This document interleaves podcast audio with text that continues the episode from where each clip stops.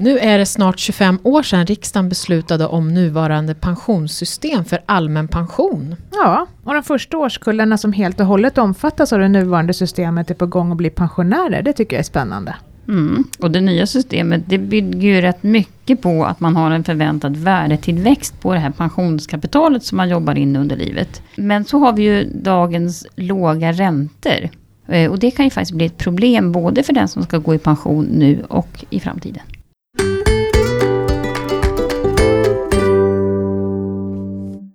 Du lyssnar på Min Pensionspodden. Vi har nu gått in i år 2018 och reporäntan ligger kvar på historiskt låga no nivåer ett tag till som det verkar. Det gynnar ju alla med bolån men för våra pensioner kan de låga räntorna och Riksbankens penningpolitik vara ett problem. Och idag har vi bjudit in Jonas Söderberg. Han är ekonom på branschorganisationen Svensk Försäkring. Han ska förklara ett och annat för oss. Välkommen till oss Jonas. Tack så mycket. Innan vi börjar prata om det här med räntor vem är du? Ja, jag är en nationalekonom i grunden. Har eh, både forskat och undervisat i nationalekonomi. Både på Växjö universitet, det som numera heter Linnéuniversitetet. Och Stockholms universitet. Och jag har jobbat ett antal år på Riksbanken. Där jag bland annat funderade på hur de låga räntorna påverkar olika typer av aktörer i det finansiella systemet. Bland annat då försäkringsföretag Eh, och även då vilka kopplingar som det finns mellan till den övriga ekonomin. Och jag var också mycket involverad i det arbete som gjordes när man gick in på det här negativa räntor och de statsobligationsköpen som just nu bedrivs av Riksbanken. Och jag har varit här på Svensk Försäkring snart ett halvår så jag är ganska ny inom den här delen av, av världen utan jag kommer med från en statlig bakgrund. Men det känns också lite skönt att vara här och få prata i en podd. Eh, det var, jag har en liten grann av en radiokarriär från lite bakgrund. Ja, lite sådär. Jag har varit inne och pratat om hiphop och soul i studentradion i Växjö. Oj, oj, oj. Och sen så var jag ett tag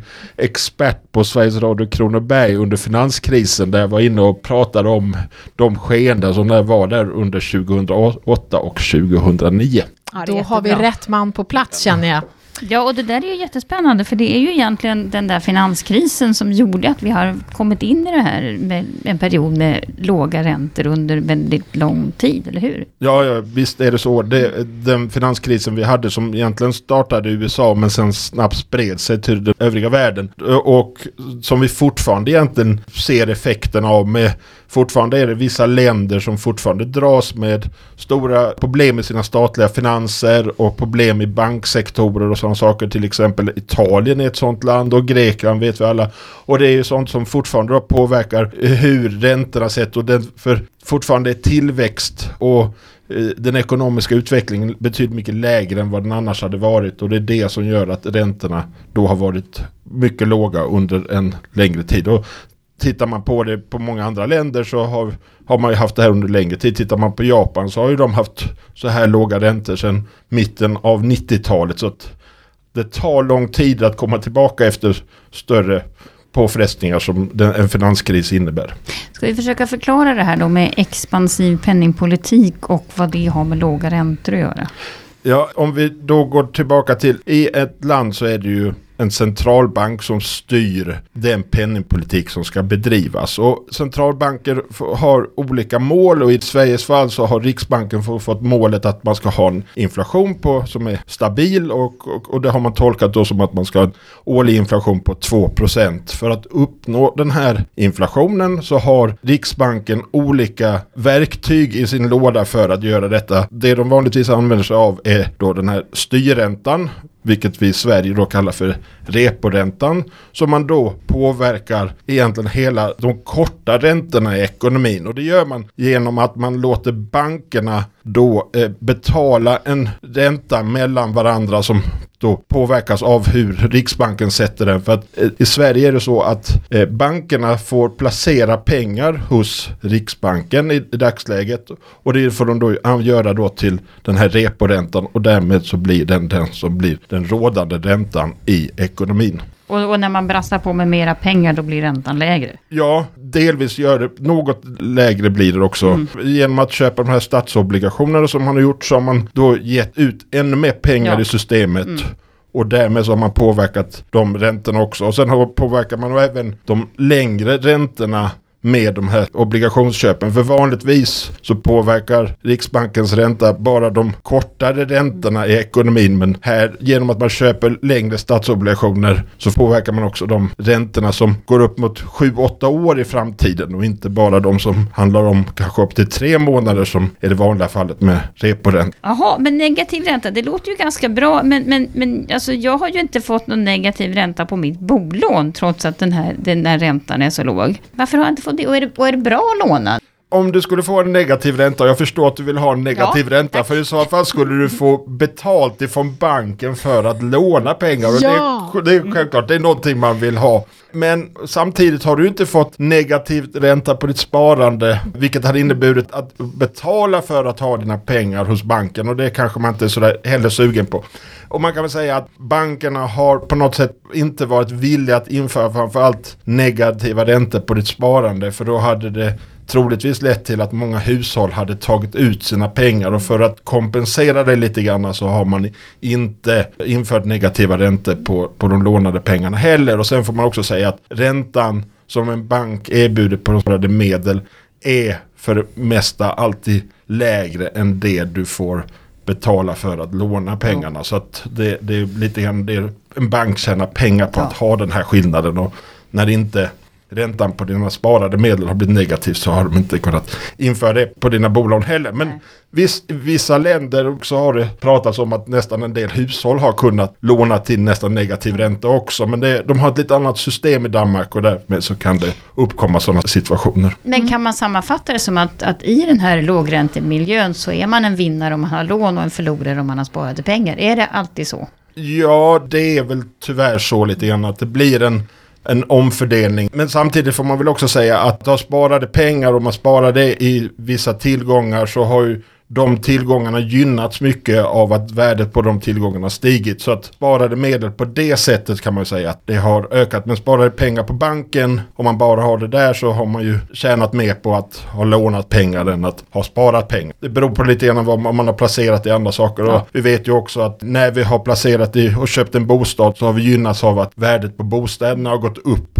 Och därmed så har vi sparat pengar i bostaden och därmed så har vi ju tjänat pengar på det också. Men förr i världen så pratade man ju om att inflation var så bra för att det åt upp lånen. Och nu har vi ju inte jättemycket inflation. Så att det var det jag tänker, finns det en baksida då på att jag menar det här lånebeloppet minskar ju inte i värde på samma sätt som det gör om inflationen är 10 Nej, men å andra sidan så hade du ju en ganska hög bolåneränta då också. Så att det var ju ganska kostsamt. Och det, visst, ja, det där kan man ju också diskutera ganska mycket. Hur, hur inflationen äter upp det lånade kapitalet och sådana saker. Och det, det är klart att det gör det ju inte på samma sätt när du har en så låg inflation vi har. Och det är väl en av anledningarna till att det är ett problem när inflationen blir så låg som den har varit i Sverige nu under de senaste åren. Att när du kommer ner till en inflation som nästan är negativ det vill säga en deflation, så får du ett problem i, i ekonomin. Då vill du inte konsumera i dagsläget utan då vill du vänta med att konsumera till när det blir ännu billigare vilket negativ prisutveckling hade inneburit.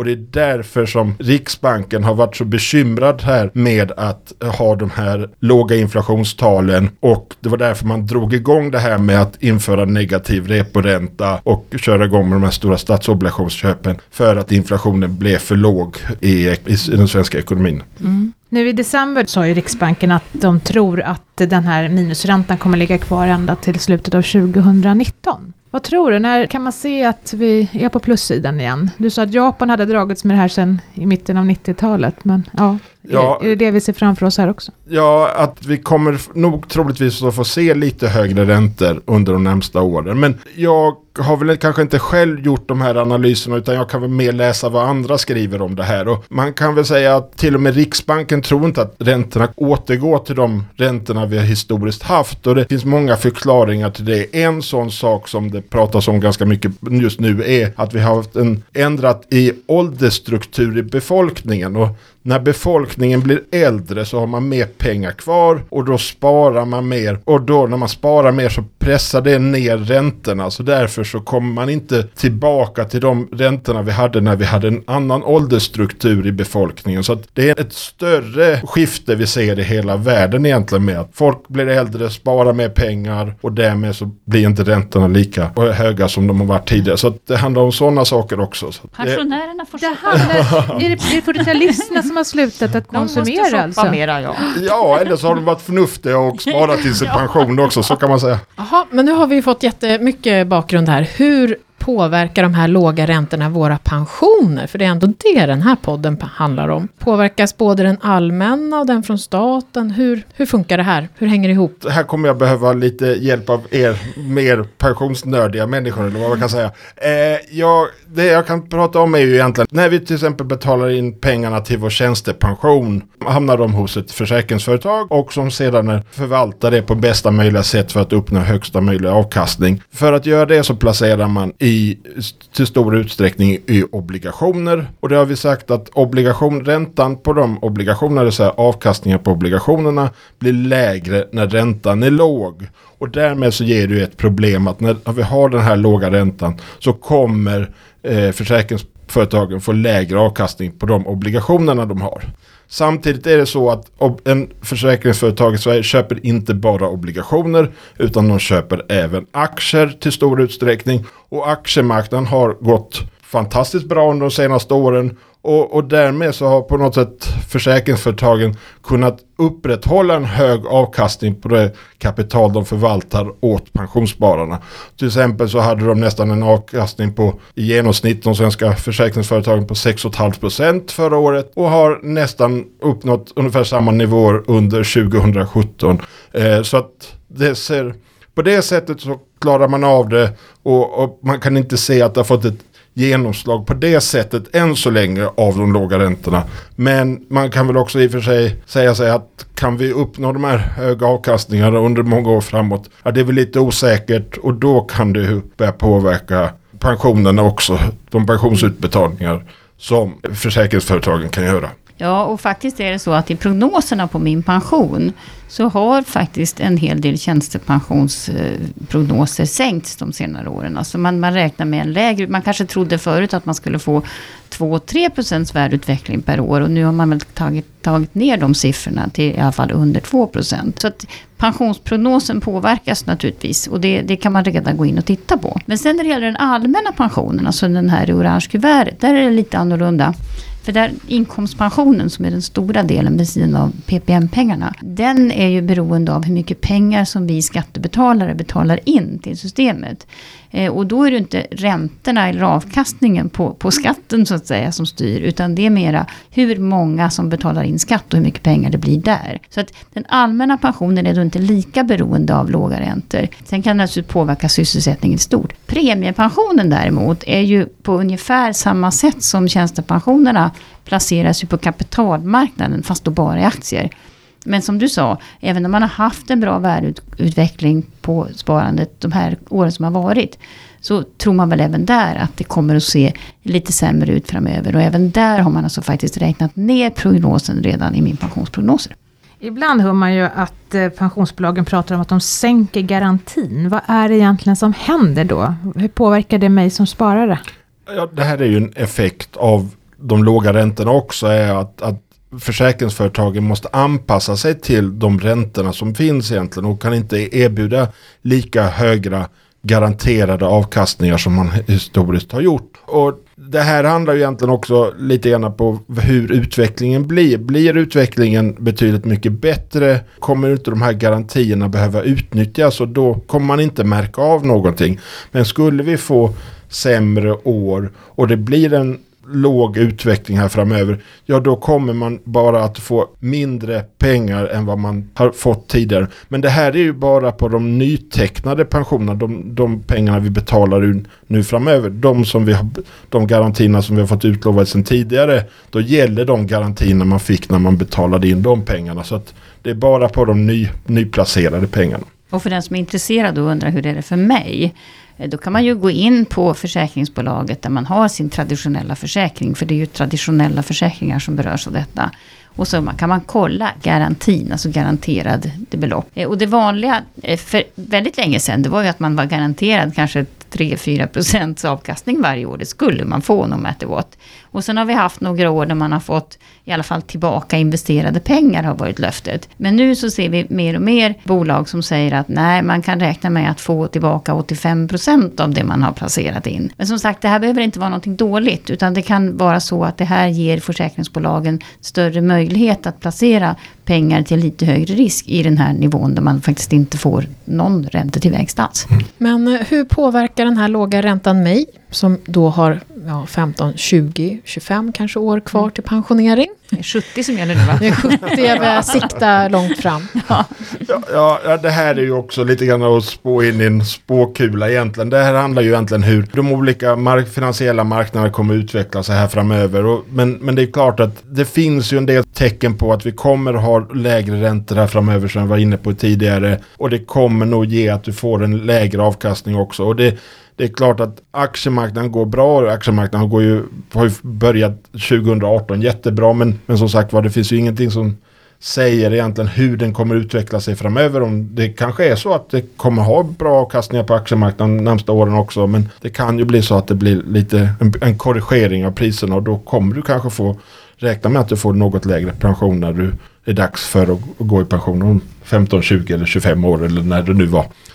Och egentligen är det faktiskt redan intecknat i pensionsprognoserna. Så man kan Ja, ju se det. det. Det, Mm. det kan naturligtvis, risken finns naturligtvis att det blir ytterligare sänkningar. Men det vet vi ingenting om än. Men jag tänkte, jag som är lite närmare pension då. då snart 70 höll jag ja. Nej, Eh, Du är nyss fyllt 60. Ja. Hur blir det för mig? Påverkas jag av det lå- låga ränteläget på samma sätt då som de rika som har längre kvar? Ja, det är klart. Där, där är det ju som sagt var. Det är lite grann hur du väljer att göra med dina pengar när du väl går i pension. Om du väljer att lägga om dem så att du placerar dem mer till lägre risk och placerar dem i, i mer räntebärande papper, obligationer och sådana saker. Ja, då kan du nog förvänta dig att du får lite lägre avkastning på de pengarna än vad du hade förväntat dig att få med tanke på att räntorna kommer ändå vara ganska låga här framöver. Men, men sen är det ju som sagt vad om du väljer att placera dem i, i aktier och, och sådana saker och ligga kvar lite grann mer. Då kanske det inte, då vet man, då är det svårt att säga hur det kommer påverka. Men allmänt gäller väl att när, desto närmare du behöver pengarna desto mindre risker ska du ta. Så att det låter väl ganska sunt att du ska gå- placera, placera lite mer i obligationer och lite mer säkra placeringar och därför räkna med lite lägre avkastning på det. Sen kan man ju också säga, en hel del av, av de som lyssnar på den här podden har förmånsbestämda pensioner.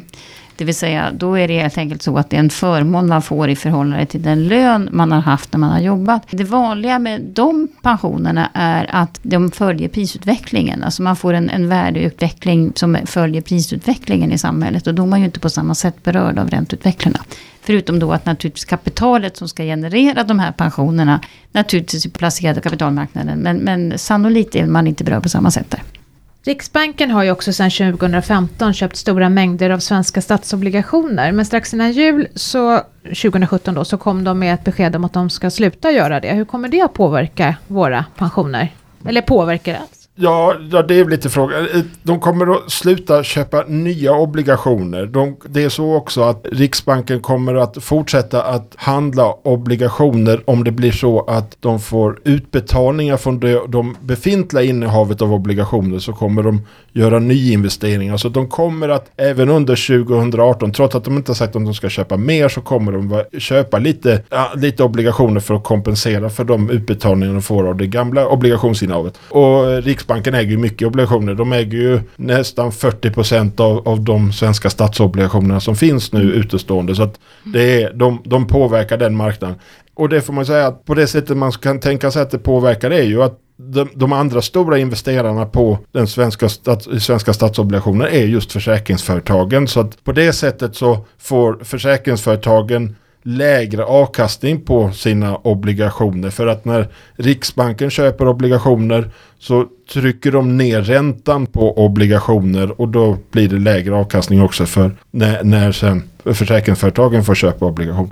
Eh, men det här med att man slutar nu köpa, nu har man gjort så stora köp redan. Så att det får kanske lite grann en påverkan att man inte väljer att gå vidare och köpa ännu mer obligationer. Men det här är väl lite på marginalen att det kan påverka räntorna och därför så, ja, det får ingen större påverkan på pensionerna det här att de slutar att köpa. Men det här med att, att pensionsbolagen verkar ta lite större risk då när räntan är låg. Eftersom man, man tycker inte obligationer är det roligaste att ha i en portfölj. Eh, hur påverkar det då? Är det, är det, eller, eller tycker du att man tar högre risk? Finns det en fara i det? Ja, ja, alltså det här är ju någonting som många har varit bekymrade över. Från myndighetshåll, till exempel då de som övervakar försäkringsföretagen i, då i Sverige, då är det Finansinspektionen som ser till så att de inte tar för stora risker så de äventyrar försäkringstagarnas pengar eller äventyrar pensionerna. Och, och de har ju tittat närmare på detta och den statistik som finns över hur försäkringsföretagen har placerat i olika tillgångar så kan man se att det verkar inte vara så stora skiften. Man, man, man kan se ett lite större innehav av aktier och kanske lite mindre obligationer. Men samtidigt är det så att försäkringsföretagen har ganska mycket aktier. Jag tror att det är runt 35% av deras tillgångar redan i dagsläget utgörs av aktier. Och när aktiemarknaden går upp då utgör det en lite större andel av de tillgångar de har och sen så obligationerna har då minskat något. Men det finns inte någon dramatisk förändring och man kan inte säga att man har gjort några större förändringar. Men det är klart att man börjar att se lite grann att man försäkringsföretagen letar efter nya placeringar. Bland annat så ger man sig in i infrastruktur och med det menar vi lite större till exempel vindkraftverk och energibolag och sådana saker för att hitta avkastning. Också fastigheter är ju någonting som försäkringsföretagen köper för att kunna ge högre pensioner framöver.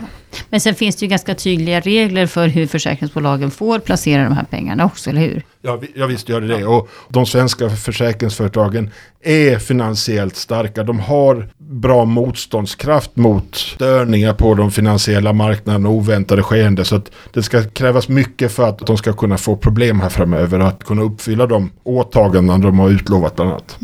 Och lilla jag då som är så här småsparare, vad ska jag göra om jag ska spara själv då? Ska jag undvika långa räntefonder, korta, vad, något speciellt?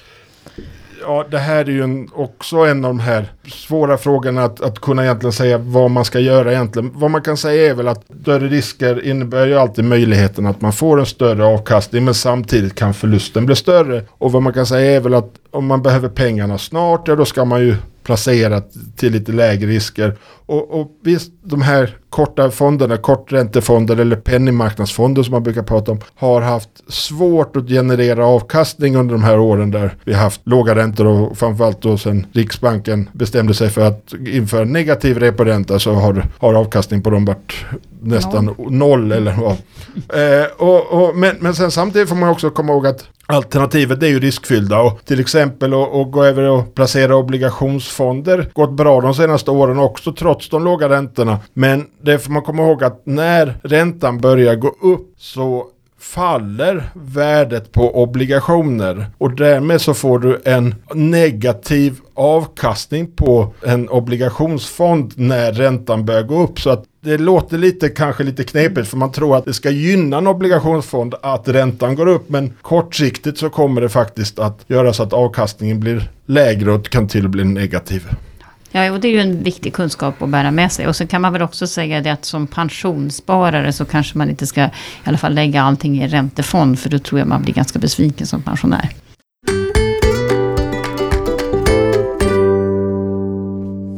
Vi har fått en fråga från en kvinna som blir 66 år i år. Hon kommer att fortsätta att jobba men tar redan ut en liten del från sin premiepension. Under 2018 här nu så planerar hon att börja ta ut tjänstepension. Hur blir skatten undrar hon. Ja, det roliga här är att eh, åldern spelar ganska stor roll just när det gäller skatter. Och 66 är någon slags magiskt år. Eh, för pensioner som du tar ut före det år du fyller 66, alltså för den här kvinnan då förra året, eh, då är skatten högre. Ungefär en tusenlapp mer i månaden faktiskt, för att man har ett annat grundavdrag. Medan däremot efter 66, då, då stiger grundavdraget och då får du alltså lägre skatt eh, som en slags uppmuntran till äldre pensionärer och kanske för att man ska akta sig lite för att ta ut pension för tidigt tror jag politikerna tycker. Och dessutom är det så att, att när hon fortsätter att jobba då det här året från hon fyller 66, eh, då kommer hon också att få sänkt skatt på, på intjänad lön. Så att eh, hon gör ju liksom dubbelbingo här. Så att hon kan ju både ta ut tjänstepension och fortsätta att jobba. Det hon möjligen ska se upp för är naturligtvis om hon kommer upp i väldigt höga inkomster. Jag tror att det ligger någonstans 36-37 000 kronor i månaden. På inkomster utöver det får hon alltså när man lägger samman pensionen och lönen så får hon betala statlig skatt, alltså betydligt högre skatt på de pengarna. Den här podden görs av Min Pension som är ett oberoende samarbete mellan staten och pensionsbolagen. På minpension.se kan du se hela din pension och göra prognoser. I dagens program har du hört vår gäst Jonas Söderberg från Svensk Försäkring, Kristina Kamp, Maria Eklund och jag själv Ulrika Loob. Vi finns på Twitter, Facebook och Instagram. Och om du gillar podden så blir vi jätteglada om du tipsar dina vänner och bekanta. Tack för idag, hej då! Hej då! Hej då!